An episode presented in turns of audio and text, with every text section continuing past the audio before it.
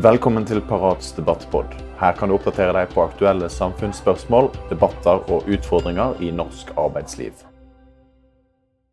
Så starter vi og ønsker velkommen til eh, viktig og alvorlig debatt eh, fra Parat her på Arendalskonferansen. En debatt om eh, viktige og alvorlige ting knyttet til sikkerhet på norske flyplasser. Det er noen av oss som er litt redd for å fly. Vi har mye vi kan tenke på. Men en brann må vel være noe av det mest alvorlige og noe av det verste som vi kan tenke oss. Det er temaet i dag på Parats arrangement og i denne debatten. La meg eh, først presentere meg selv, Trond Hole, generalsekretær i Parat og i dag debattleder. Og så presentere de deltakerne som vi har med oss i dag. Det er eh, Jens Salt, som er fra Pilotforbundet og leder for arbeidet med flysikkerhet. Det er eh, Freddy Ulfseth fra Handikapforbundet. Det er Vidar Nordbø, lufthavnbetjent, brannmann, utrykningsleder Kristiansand lufthavn Kjevik. Og det er Mari Halvorsen Sundgodt, leder av Delta luftfart. Og det er Helge Eidsnes fra Avinor, eh, lufthavnsjef Flesland, og med betydelig brannbakgrunn, for å si det slik. Så det er et kompetent panel vi har med oss til å eh, ta tak i et alvorlig tema. Og da starter jeg ut med Jens Salt og spør kan du si noe om hvordan du ser på problemstillingen knyttet til sikkerhet for brann og havari på norske lufthavner. Ja, Som eh, fartøysjef så er det jo mitt ansvar å bedømme hva som er tryggest å gjøre i en eh, nødsituasjon.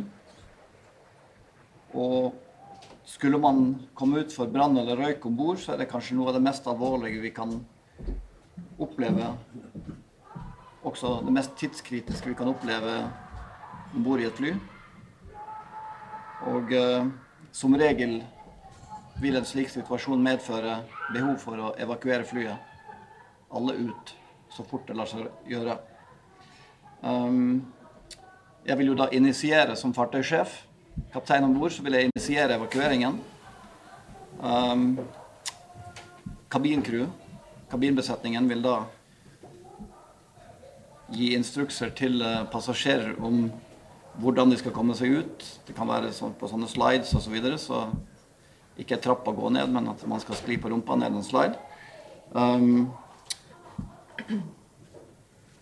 opplegget er lagt opp til at de som er om bord, skal komme seg ut på egen hånd. Og, og, og der, der, vil jeg nesten ta en liten pause. Opplegget er at man skal komme seg ut på egen hånd. Vi hadde med oss en representant fra Handikapforbundet, Freddy Ulvseth. Ja. Kan du i enhver sammenheng ta deg ut på egen hånd fra et slikt fly?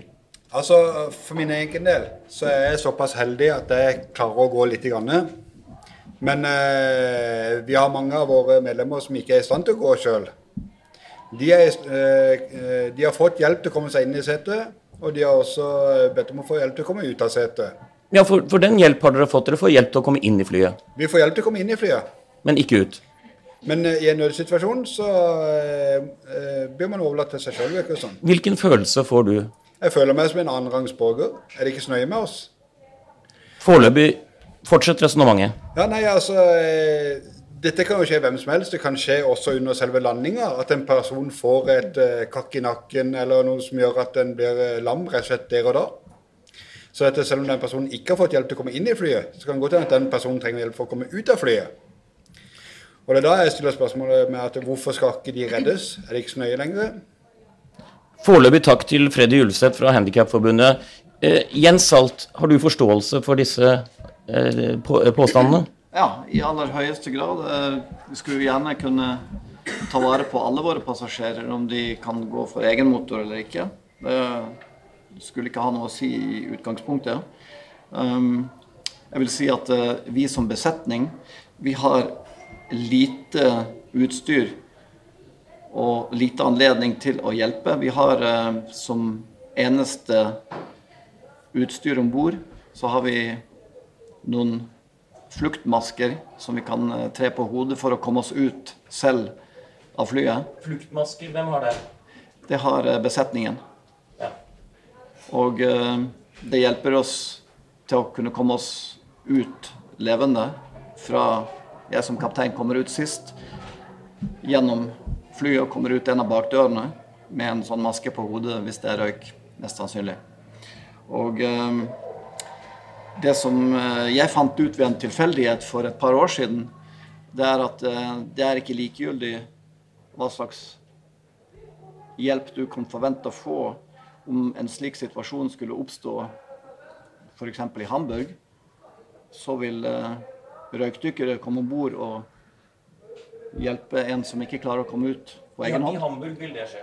I Hamburg, i Europa, i EU vil det kunne skje. Og det vil ikke skje på Flesland. Du har en mann ved siden av deg. Ja, hvis, jeg, hvis den samme situasjonen skulle oppstå på Flesland, så har jeg blitt gjort oppmerksom på at eh, det finnes ikke lenger røykdykkertjenester ved de fleste norske lufthavnene. Og det gjør meg litt bekymra. Jens sa at du skal få anledning til å komme tilbake med videre resonnementer, men det er riktig nå å la ordet gå videre til den som representerer Avinor her i dag. Og eh, Helge Eidsnes, du behøver ikke gå rett inn i røykdykkerproblematikken hvis du ønsker å gå litt bredere ut. Du kan adressere meg, f.eks., som er litt redd for å fly. Er dette en av de tingene som jeg virkelig bør tenke over når jeg går på flyet? En bør tenke over sin egen sikkerhet uansett om vi er på fly eller vi er på hotell eller vi er her i dag. Så vil jeg si én ting. Det er svært sikkert å fly. Vi har fire transportformer i Norge. Det er på vei, det er på sjø, det er på jernbane og det er i luftfarten. Og det den tryggeste transportformen vi har, det er i luften og fly. Og Hvis vi ser på eh, internasjonal luftfart og norsk luftfart i særdeleshet, så har vi en særdeles god historie. Det er svært få ulykker. Den ulykken som er vist her i bildet, det er en svært dramatisk ulykke. Vi har aldri hatt sånn på Avinor sine lufthavner, ikke i nærheten engang. Vi har aldri måttet gjøre den type innsats. Og hvorf- Det kan ikke skje. Nei, det er ikke det jeg sier. Nei. Men hvorfor er det sånn at vi har en så god historie på det? Det er nettopp fordi at alle partene i luftfarten jobber veldig grundig og skikkelig for å unngå at sånne ulykker skal skje. Eh, For Avinor eh, er flysikkerhet det viktigste vi jobber med. Eh, Og Avinor har de senere årene investert 3 milliarder for at vi skal sikre lufttrafikktjenester, sikre innflygning med satellittbasert navigasjon. Eh, Og vi har eh, gode lysforhold, LED-lys, vi har eh, godt banedekke, god merking osv. Og dette er forhold som du som pilot drar nytte av hver eneste dag når du er ute og fly, og ikke minst passasjerene. Nettopp med å gå og investere i det vi kaller forebyggende sikkerhet, så bidrar vi til at vi ikke får de ulykkene. Like fullt så skal vi, og har vi, en beredskap, og en god beredskap for å håndtere hvis ulykker skjer. Og det skal jeg gjerne gå nærmere inn på. skjønner jeg. Og da vil jeg bare si, da kan du bekrefte påstanden om at i Hamburg så vil da røykdykkere komme og hjelpe vår mann fra Handikapforbundet, men det vil ikke skje på Flesland. Eh, Jeg kjenner ikke til hva, hvordan de gjør i Hamburg. Men det jeg kan bekrefte, og dette har jeg lang erfaring i selv, skjer det en flyulykke i Norge, så trykker vi på den store røde knappen, og vi mobiliserer maksimalt av brann- og redningsressurser fra det offentlige brann- og redningstjenesten og Avinor sin egen beredskap, som er meget godt rigget og trent til å håndtere denne type situasjoner. Som òg trener eh, opplært og har utstyr til eh, å redde og hjelpe å evakuere. Og Dette er vi opplært til, og vi trener på det. Og vi òg skal gå inn og gjøre det. Men vi må gjøre det når det eh, er trygt og sikkert å gjøre det. Ja. Og viser det bildet der Det er jo ingen som vil sende inn røykdykkere i et sånt fly. Jeg selv ledet røykdykkersatser. Det første du gjør da, det er å sikre flyet. Du må slå ned brann og sikre at du får overlevelse. Forhold kan overleve i det, og ikke minst trygt å sende inn egne Da har vi fått det på plass. Helge Eisen, du skal selvsagt få ordet flere ganger i denne debatten. Vi går videre til Vidar Nordbø, som jo er lufthavnbetjent, utviklingsleder, brannmann. Stort ansvar på eh, Kristiansand lufthavn Kjevik. Hva er den, det daglige ansvaret du har, og hva er dine oppgaver når ting skjer? Nei, altså Daglige eh, oppgaven er jo at eh, vi skal jo ivareta eh, sikkerheten på flyplassen. Eh, vi er jo der som brann- og redningsfolk. Eh, så det er jo hovedoppgaven som vi har. Eh, når det gjelder den beredskapen og den som vi har der, den er jo sånn at bør jo ta det litt historisk her. for dette, altså I 2015, Helt fram til 2015 så, så var vi røykdykkere på de eh, større lufthavnene i Norge. Eh, og Da gikk, eh, kom jo EASA-regelverket inn, og, og eh, da tolka Avinor det sånn at eh, vi kunne da eh, gå ned på å ha en beredskap som vi kan ha. sånn at, Men da er jo ikke vi røykdykkere lenger. Ja, vi, vi, stopper opp akkurat litt der. Sa du at til og med 2015 så var det røykdykkere på plass? Ja. Og så kom det EASA-regler som da ble tolket Tolket eh, slik at, det, at det, eh, Avinor gikk vekk fra røykdykking på flyplasser. Er du, er du selv røykdykker? Ja, jeg er selv utdannet røykdykker. Er du oppdatert? Nei, ikke oppdatert. For vi har ikke oppdatert oss siden 2015. Så du ville vært ubekvem i en røykdykkersituasjon? Ja, i en røykdykkersituasjon. Når, eh, når, når, vi så den filmen her nå i stad, så er det jo det en helt litt annen sak. For det, hvis du kommer fram da eh, Jeg kan jo ta et konkret eksempel, da, som det flyet der. at Hvis du kommer fram, det er som han eh, sier, Helge, at du må jo ta grep om den, den brannen som er på utsida. Og så er det jo inntreden, da. Vi har det sånn at eh, når det er røykdykkerbegrep, så gjelder det at eh, det kalles røykdykking hvis det er tett brannrøyk. Mm. Eh, og det må jo den personen som trer inn i dette miljøet, føle seg bekvemt med sjøl. Ja. Men i dag så øver vi ikke på det. Før så øvde vi på det, og trene i tett brannrøyk, det gjør vi ikke i dag. Vi skal komme tilbake til dette. Jeg vil bare nå gi ordet til den siste representanten i panelet som ikke har hatt ordet. Eh, og det er jo Mari Halvorsen Sundgodt, som er leder for Delta luftfart, og, og som organiserer som berøres av dette. Kan vi få dine første resonnementer knyttet til den problematikken vi har oppe nå? Jeg vil spinne litt videre på den historikken som Vidar trekker opp. Det kom inn et nytt EASA-regelverk eh, i 2014-2015 her eh, er i hvert fall vår mening at Avinor tolka det relativt vidt. Det regelverket sier noe om eh, at eh, passasjerer skal kunne reddes ut ved et uhell. Avinor valgte å tolke det dit hen at det var ikke nødvendigvis Avinors eget personell som måtte gjøre den jobben. Det kunne det kommunale brannvesenet eh, stå for.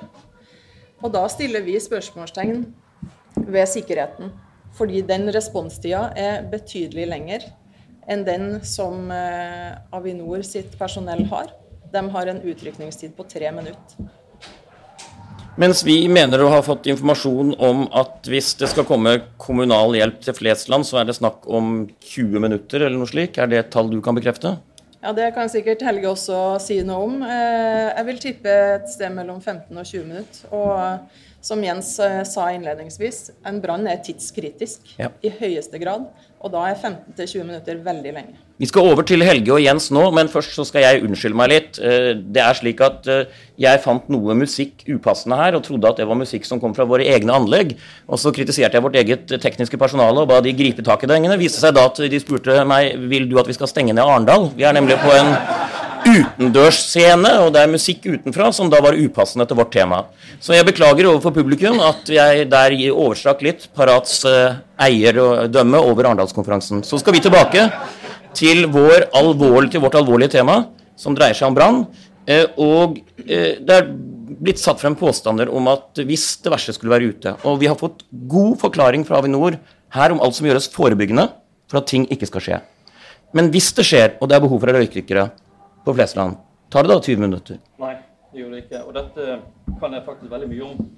Etter nærmere 20 år som brannsjef i Bergen, med ansvar for eh, også Bergen lufthavn, og har ledet en eh, firesifret antall brann- og redningsaksjoner. Ja, så fortell meg, Hvor mange minutter, hvor mange minutter tar det? Det tar ti minutter og mindre enn det. Okay. På det. Og Da ruller Bergen brannvesen ut kavaleriet sitt og har to brannstasjoner innen ti minutter. Og så bare ruller det på eh, med 30-40 ansatte der. Og Så er det litt viktig å få med seg det. All brann- og redningsinnsats i Norge, uansett om det er på fly, på jernbane, bygning osv., det er, et kommunalt, er og blir et kommunalt ansvar. Det er nedfelt i brannloven. Og brannvesenet med brannsjefen i spissen har et ansvar for å gjøre en rekke ting i forkant og ha en beredskap og innsatsplaner for det. Og det øver de på. Men dette er jo veldig viktig. Du forklarer nå forsamlingen og meg at dette er jo ikke et ansvar for Avinor, det er et kommunalt ansvar. Hvis jeg får lov å snakke ferdig? Vær så god. Skal gjøre det. Jeg bare sier hva som ligger i norsk eh, lovgivning. Ja. Så har Avinor eh, et ansvar i forhold til EU-forskriftene på det. Og vi er en er regelverk på dette eh, som Luftfartstilsynet eh, er tilsynsmyndighet på. Og når jeg sier at Avinor, det sies, eller påstås at Avinor tolker dette vidt, så har vi tolket dette i henhold til det EU-regelverket som ligger der. Og Luftfartstilsynet har samtykket i det, i den praksisen vi har. Ja. Luftfartstilsynet går tilsyn hvert eneste år med Avinor som konsern. De går tilsyn med eh, lufthavnene og vårt operatøransvar på det. Eh, og vel innforstått med det. Vi har sågar fått en uh, oppgave av eller pålegg av tilsynet å gjennomføre en såkalt task and resource-analyse, som vi gjorde i fjor. En, altså en oppgaveanalyse hvor vi skal se på hva eh, scenario vi kan bli stilt overfor, hvilke ressurser vi har, hvordan vi løser dette minutt for minutt, og det er beskrevet. Uh, og den måten vi gjør det på, er også akseptert av tilsynet. Så klart, Hvis en da mener at en regelverket skal tolkes annerledes, så, annerledes her, så må en da gå på Luftfartstilsynet og spørre om de har feil praksis i forhold til eh, EU-lovgivning. Det skjønner jeg, Helge Eidsnes. Jeg ser du snur deg også, og da er det naturlig å gi ordet til den du snur deg mot. Jens eh, Salt fra Pilotforbundet, hva er din kommentar? Hvis vi kan ta opp eh, powerpointen igjen nå, så, så Vi kan prøve. Så ligger der en eh, Se her. Teknikken virker. Det er bra. Um, det ligger i eh, EASA-regelverket at eh, hovedansvaret for uh, branntjenestene på lufthavner det er til å redde liv. Save lives. Og dernest så skal man gjøre det mulig for folk om bord i flyet å komme seg ut. Og man skal også assistere de om bord som ikke klarer å komme seg ut på egen hånd. Etter hva jeg har blitt fortalt, så er med Flesland som et eksempel Røykdykkertjenestene der de befinner seg ved Laksevåg brannstasjon. Og anslagsvis 15 minutter kjøretid uten trafikk. Og så skal man inn på flyplassen og ut til det havarerte flyet. Og om det er 10 minutter eller 20 minutter som det faktisk tar å komme seg ut der man kan hjelpe de som sitter inne og holder pusten, eller prøver å holde pusten. Fryktelig lenge å holde pusten i både 10 og 20 minutter for de fleste. Du lytter til Parats debattpod, en aktualitetspodkast om viktige samfunnsspørsmål. Det må vi være enige i. Jeg kan jo si til forsamlingen nå at akkurat nå så har det gått 18 minutter siden vi så den videoen som startet opp denne debatten. Så da er vi et eller annet sted mellom de tidspunktene som det nå snakkes om for at det er røykdykkere til stede på Flesland. Det er riktig, Helge? Under ti minutter. Jeg, jeg har ikke tall på hvor mange ganger jeg selv har kjørt utrykning til Bergen lufthavn, så jeg vet veldig godt de utrykningstidene, og vi må ikke trekke, de lenger enn det de faktisk er. Vi har Laksevåg brannstasjon, Fana brannstasjon eh, på ti minutter til lufthavnen. Så har jeg lyst til å si litt eh, om den beredskapen vi har. Eh, først røykdykking. Norge har en særbestemmelse med forskrift og veiledning om røykdykking. Den er ikke skrevet for eh, lufthavntjenestene. Den er skrevet for norske brannvesen. For brannvesenet skal gjøre innsats i bygningsbranner. Kompliserte bygningsbranner, type bygg som vi bl.a. er i her nå. Som skal gjøre innsats i tunnelbranner, skal gjøre innsats i skipsbranner, elektriske anlegg osv. Og Det er jo oppgaver som vi ikke gjør. Vi har en dedikert opplæring, grunnopplæring av våre brann- og redningspersonell for eh, flyulykker og flybranner på det. Vi, vi har jo tatt en sammenligning med den opplæringen som vi har, og den som eh, norske brannvesen har, eh, så er vi om lag 80 i forhold til den opplæringen i, som er på, på Røykdykker. Men vi er ikke 100% fullt ut som det brannvesenet læres opp i. Så hvert år så gjennomfører vi både varmeøvelser og kalde øvelser. En, varme og en kald øvelse på dette. Og I det ligger det òg at vi trener på både å slå ned en brann, kontrollere at ikke det ikke er reantenner. Vi trener på å entre flyet, og vi trener på å ventilere ut røyk. En skal overleve de som er der inne, og en skal gjøre det mest mulig røykfritt. Og ventilere ut. Og gitt at det er trygt at vi tar oss inn, så tar vi oss inn med våre tjenestemenn. Og det er de som de har medisinsk utsjekk, som eh, brannfolkene ellers har på, på eh, brannvesenet. De har fysiske tester, de har utstyr, eh, og vi har opplæring. Eh, Men eh, brannvesenet ligger et hakk over oss på det. Og, og i det så ligger det òg at vi trener på å gå inn og assistere de som ikke har kommet seg ut eh, selv på det. Og Derfor blir det da riktig for meg å spørre helt direkte. Så det betyr at vår representant her fra Handikapforbundet, Freddy Ulfseth, han Helge Eidsnes, han har ingen grunn til å føle seg som en annenrangs borger. Nei, det mener jeg ikke. For både vi og brannvesenet trener å renner ut alle på det. Først de som tar seg ut selv, de klarer seg selv. Så må de ha assistert rømning. Så må jeg òg minne om at vi, Avinor sine personell står ikke alene på lufthavnen. Vi trykker på den store røde knappen, og vi mobiliserer alt som er av redningsressurser. Og dette er et samarbeid mellom Avinor, som har spesialkunnskap om dette, førsteinnsatsstyrke, sammen med det kommunale brannvesenet. Det skjønner jeg. Og da må vi nesten spørre Freddy Ulseth, er du fornøyd med å ha rykket frem fra annenrangs borger til førsterangs borger i løpet av denne debatten? Altså, jeg er fortsatt litt betenkt. For jeg vet det at uh, veldig mange funksjonshemmede blir plassert nærmest vinduet, hvor det er kanskje vanskeligst å få hjelp til å komme seg ut. Er det fordi ikke de skal sitte i veien for andre som skal ut fort? Jeg Vet ikke. Men uh, jeg har selv erfart å bli satt inn mot vinduet. Fordi at jeg hadde en uh, Sånn som jeg forsto, iallfall på nabobevegelseshemminga mi. Så eh, jeg er ikke helt overbevist ennå.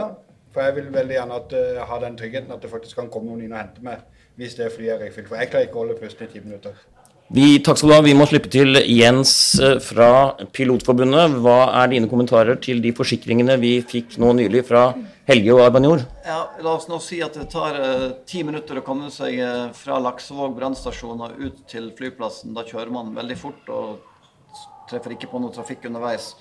Men forskjellen på de tre minuttene som det tar det brannvesenet på flyplassen å komme seg ut Da skal altså du kjøre ut brannbilen, og så skal du stå og vente i sju minutter etter at du har kanskje slukka, slått ned den brannen som er. Så Skal du stå og se på at her har du en flykropp full av røyk med folk inni. Og så skal man vente i sju minutter til før røykdykkerne kommer fra Laksevåg. Det er lenge å vente, vil jeg påstå. La oss gå til eh, nettopp eh, til, til Indrebø, som, som har eh, erfaring og vet eh, hva det er å stå i dette. Nordbø, mener jeg, som vet eh, hva det er å stå i dette. Hva er kommentarene dine nå? Altså, eh, jeg føler vi må skille litt her på, eh, på ting for dette. Det er klart, det, som jeg sa, det at røykdykking det går på det å gå inn i tett brannrøyk. Eh, hvis det ikke er røyk inn i flyet, så går vi inn. Eh, da går vi inn og redder med alle det vi kan. Men hvis det er røyk i flyet, så går du ikke inn og redder han? Hvis det er tett brannrøyk, så går vi ikke inn. Nei. Så det, der er skillet på det. Og du skulle likt at dere kunne gått inn da òg? Ja, For meg som eh, kan du si, eh, leder for, eh, for brannberedskapen på Kjevik, så ville jeg være likt at alle mine hadde best skolering og best uh, egnet til å kunne gå inn i alle slags og ta en, en risikovurdering òg på den røyken. Ja. Selvfølgelig. Det fortoner seg rimelig for mange som hører på, Helge, kanskje at vi hadde den muligheten. Ja da, eh, jeg har lyst til å avklare et par ting. Det er ikke sånn at en bruker de tre minuttene som venter en på syv minutter til assistanse kommer. Det er ikke sånn det skjer på skadestedet. Eh, En har to til tre minutters utrykningstid, oppstilling. Eh, Og det jobbes intenst med å både slå ned en brann, en eventuelt utvendig brann som vi kunne se her, sikre at det ikke er reantenner. En skal kanskje entre flyet, åpne dører, og en skal gjøre klar. Og er det tett brannrøyk, så vil en stille seg med døråpningen vil vi gjøre, og ventilere ut røyken, slik at vi får oversikt på det. Så eh, si litt om røykdykking. Som sagt, jeg har vært med på over 1000 brann- og redningsinnsatser selv i den tiden jeg var, var brannsjef. og ledet Det kan vi bekrefte. Vi har sjekket CV-en din, og det er korrekt. Det, det holder. Eh, Og det er ikke sånn at fordi om du er røykdykker, så kan du stupe inn som Supermann eller superkvinne i enhver situasjon og redde alt. Overhodet ikke. Jeg har vært med selv i eh, redningsaksjoner hvor vi redder både voksne og barn. Fantastiske opplevelser. Men så er det de mindre gode historiene hvor vi har gått inn med røykdykkere. Og vi måtte trekke oss tilbake for ikke var trygt nok, selv om vi var to meter ifra de som omkom. Det, det er en opplevelse du har hatt? Ja, ja, jeg har flere av de. Eh, og så kommer vi frem til brannstedet, hvor det er så full fyr og overtent at vi kan ikke sende inn røykdykker. Vi ofrer ikke eget liv. Og Enhver brann- og redningsmann må vurdere situasjonen, og ikke minst lederne, før du sender inn. Det er noe av det viktigste vi gjør. Vi stuper ikke inn Nei. der. Og det å vurdere at det er trygt å sende inn våre egne, og at vi får det ut igjen. Ja. Vi redder ingen med å forulykke seg. Og, og det må brannvesenet gjøre, Ja. og det må våre folk gjøre. Vurdere det. Og det er en viktig lederoppgave, Det- og det er noe som Avinor legger stor vekt på. At vårt personell og våre ledere som er ute, skal gjøre den type vurderinger for å gjøre en trygg og, og god innsats. Det skjønner vi. Vi skal gi ordet videre til de to representantene for fagbevegelsen, og vi slipper til damene først. Men begge, både Mari Halvorsen Sundgodt og Jens Salt, henvises til EASA, Europa. Har ikke også fagbevegelsen en hva skal vi si, internasjonal oppgave i å påvirke på også den arenaen? Og så kan du ta dine øvrige kommentarer også, som du vil, Mari. Jeg får svare på spørsmålet ditt først. Eh, selvfølgelig kan vi jobbe internasjonalt, og det gjør vi også. Ikke minst så har vi jobba nasjonalt. Eh, Helge nevnte her tidligere at man må jo ta kontakt med tilsynet, da, som på en måte har stempla det her OK. Det har vi gjort gjentatte ganger. Fagforeningene i Avinor i fellesskap har også skrevet eh, tydelige tilbakemeldinger både til ledelse og, og til styret. Så her står fagforeningene samlet? Her står fagforeningene samla i den faglige vurderinga. Mm. Og det er det som jeg syns er mest krevende. Sånn som for Vidar sin del, eh, som har røykdykkerkompetanse i bunn, men som ikke får lov til å trene på det eh, i sin arbeidshverdag. I 2015 så vet han at eh, han kunne ha entra et fly med, eh, med den treninga som han hadde da. Men i dag så kan han ikke det. Mm. Og når Helge sier at det, det er de siste 20 prosentene som Avinor ikke gjør. Da stiller bare vi spørsmålet, kritiske spørsmål ved eh, hvorfor gjør vi ikke det? Vi ser samfunnsnytte i det. Avinor er til stede på eh, hvert nest nesten i hele Norge med våre over 40 lufthavner. Eh, og I tillegg så stiller vi også spørsmålet fordi det setter eh, medlemmer som Vidar i en veldig kinkig situasjon. Han står og ser på enten en større røykutvikling, det trenger ikke å være brann heller, og så settes han egentlig ikke i stand til å gjøre den jobben han ønsker å gjøre som redningsmann. Skjønner. Eh, ordet videre til, til Jens Salt, og, og, minner om mitt spørsmål om ikke også fagbevegelsen har et europeisk ansvar her? Jo, det har vi definitivt. Og det her er et av våre initiativ for å prøve å kaste lys over saken. Um, jeg vil komme tilbake til at uh, hvis den røykbrannhendelsen skulle ha hendt f.eks. i Hamburg, så er det EU-krav at alle brannmenn ved lufthavner i EU de er også røykdykkersertifisert. Ja, så, de, så, det er rett og slett en regel det, i EU? Det er en regel i EU. Mm. Uh, ref uh, det som var oppe på, ja. på, skjermen her for litt siden.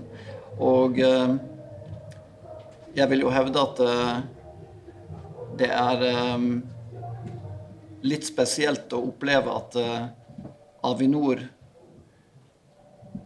tar bort den uh, røykdykkerbiten som i prinsippet gjør Freddy her til en annenrangs borger. Han blir ikke prioritert på lik linje som han ville blitt om han var i Tyskland eller Frankrike eller et annet EU-land. Mm. Helge fra Avinor, jeg, jeg, skjønner at du vil si nå, når jeg spør deg at hvordan det er i Hamburg, så vil du si at du, du vet ikke noe om Hamburg. Du vet ingenting om Hamburg? Nei. Nei. Men, men, du har heller ikke grunn til Du har ikke noen grunn til å du, du, du, Unnskyld, unnskyld, du vil ikke bestride eh, det Jens sier om hvordan det er i Europa for øvrig? Eh, jeg kjenner ikke til hvordan de gjør det i Hamburg. Men okay. jeg, bestrider, eller den, jeg deler overhodet ikke den oppfatningen hans her.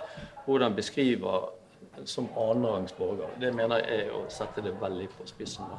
Så, men det jeg kjenner til, det er at eller lufthavnen i Hamburg har akkurat samme internasjonale regelverk som det vi har.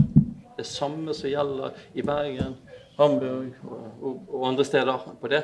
Og det samme vi forholder oss til. Mm. Uh, og norske myndigheter med Luftfartstilsynet er tilsynsmyndighet for at vi følger dette regelverket. Og vi har uh, en beredskap og opplæring i henhold til det regelverket. Ja. Eh, det, det, skjønner jeg. Det er faktum. Det Men det betyr også at du holder åpent at det blir tolket dette regelverket på en annen måte internt i EU enn det vi gjør i Norge? Jeg kan ikke svare på hvordan andre tolker det, Nei. men jeg kan svare for hvordan vi har tolket det. Skjønner. Eh, og norske myndigheter med Luftfartstilsynet samtykker i den tolkningen, tolkningen ja. på det. Ja. Eh, så går sammenligner seg litt med røykdykker i Norge som en som særgreie som andre land ikke har. De røykdykkerbestemmelsene som er mot norske brannvesen. Jeg tror nok en del ligger litt på det, da. Men jeg, som var inne på her med at det er dilemmaer som kan bli stilt overfor. Ja, det er et dilemma å være brann- og redningsmann eller personell på det. Eh, og det, er også det dilemmaet er faktisk like stort om du røykdykker. For det går en grense for hva de òg kan gjøre innsats. Og lederne der de må hele tiden vurdere. Og som vi har vært inne på, noen ganger kan du gjøre en god og forsvarlig innsats. Noen ganger dessverre. Det er ikke veldig hyggelig. Men den vurderingen og det dilemmaet vil en alltid stå oppi, uavhengig Ja. eh, hvor mye opplæring en har eh, på det. Det For skjønner jeg. for det går en grense for hva en kan gjøre. Det skjønner jeg. Vi må høre med Freddy Ulfseth fra Handikapforbundet igjen. Ja, det snakkes så fint om ti minutter i Bergen. Men eh, hva på Evenes? Hvis det skjer der oppe, hvordan er det med sikkerheten der? Hvor lang tid bruker brannvesenet fra kommunen det etter å komme til den flyplassen? Hvordan er det de andre flyplassene i Norge? Jeg mener Når et fly tar fyr, så skal det ned på første flyplass det er mulig. Da bør det være Jeg føler det fall jeg tryggere hvis jeg visste at det er eh, folk der som kan hjelpe meg. Og da snakker jeg på vegne av gruppa. Ja, han, han adresserer deg direkte, Helge, så du må få lov til å få ordet. Ja. Nå kjenner jeg ikke den eh, lenger, den kommunale brann- og redningsberedskapen over hele landet. Jeg kjente det veldig godt tidligere da. Eh, Så jeg kan ikke svare for hvordan det konkret er med, med eh, Evenes kommune og brannvernet der. Men det som jeg vet, er at Evenes lufthavn har akkurat samme regelverk, samme beredskap, og er i stand til å håndtere samme type innsats som det vi håndterer på det. Og førsteinnsats eh, både med materiell, personell og opplæring på det. Jeg lurer på om jeg skal forsøke å skape en liten enighet i panelet. Det er jo selvfølgelig dårlig gjort for debattens temperatur. Men, men, men bare si, det er jo et alvorlig tema dette. Er det slik at vi kan enes da om at siden Luftfartstilsynet eh, velsigner etter sigende Avinors gjeldende praksis, som fagforeninger og andre mener er en annerledes praktisk og, og fortolkning enn EU for øvrig, så er det faktisk opp på politisk nivå vi da må for å kunne gjøre noe videre med dette. Jeg retter spørsmålet først til Jens og Pilotforbundet. Ja, det fremgår jo ganske klart at uh, her er det snakk om økonomiske prioriteringer uh, hos Avinor, hvor det åpenbart koster penger å ha et røykdykkerteam ved hver lufthavn. Um, du kan sikkert argumentere for at disse hendelsene skjer heldigvis veldig sjelden. Men eh, så igjen er det veldig sjelden at vi som flyr fly, kommer ut i problemer som gjør at man har bruk for brann- og havaritjenester i det hele tatt. Ja. Og røykdykker blir en, en bit av den tjenesten som vi kanskje en sjelden gang har bruk for. Men du kan ikke eh, dermed se bort fra at hvis man står i, i Kalmar i Skåne, Ja. som er en EU-flyplass, der finnes det røykdykkerteam. Det er også en liten lufthavn med lite trafikk.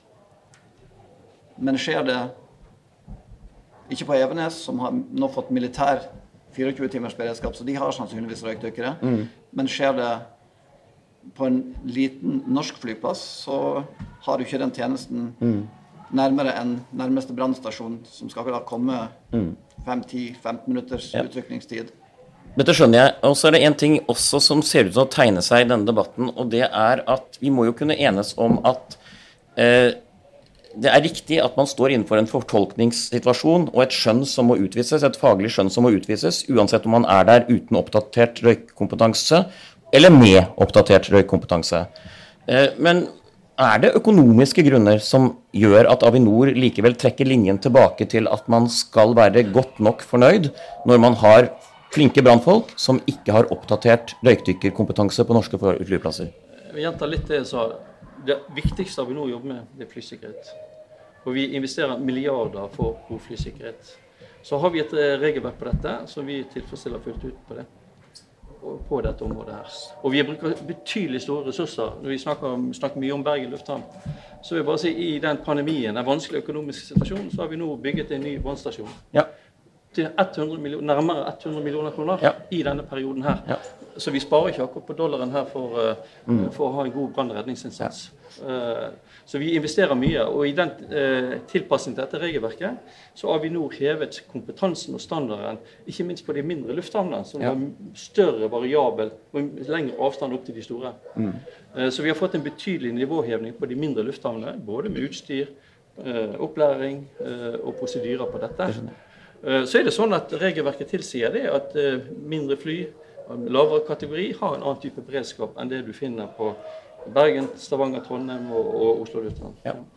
Helge Eidsnes, eh, det er slik at det har hendt før i kongeriket Norge at faglige etater, eller faglige direktorater, de som har et faglig overordnet ansvar i Norge, har gått inn for strengere regler og bedt myndighetene komme med strengere regler.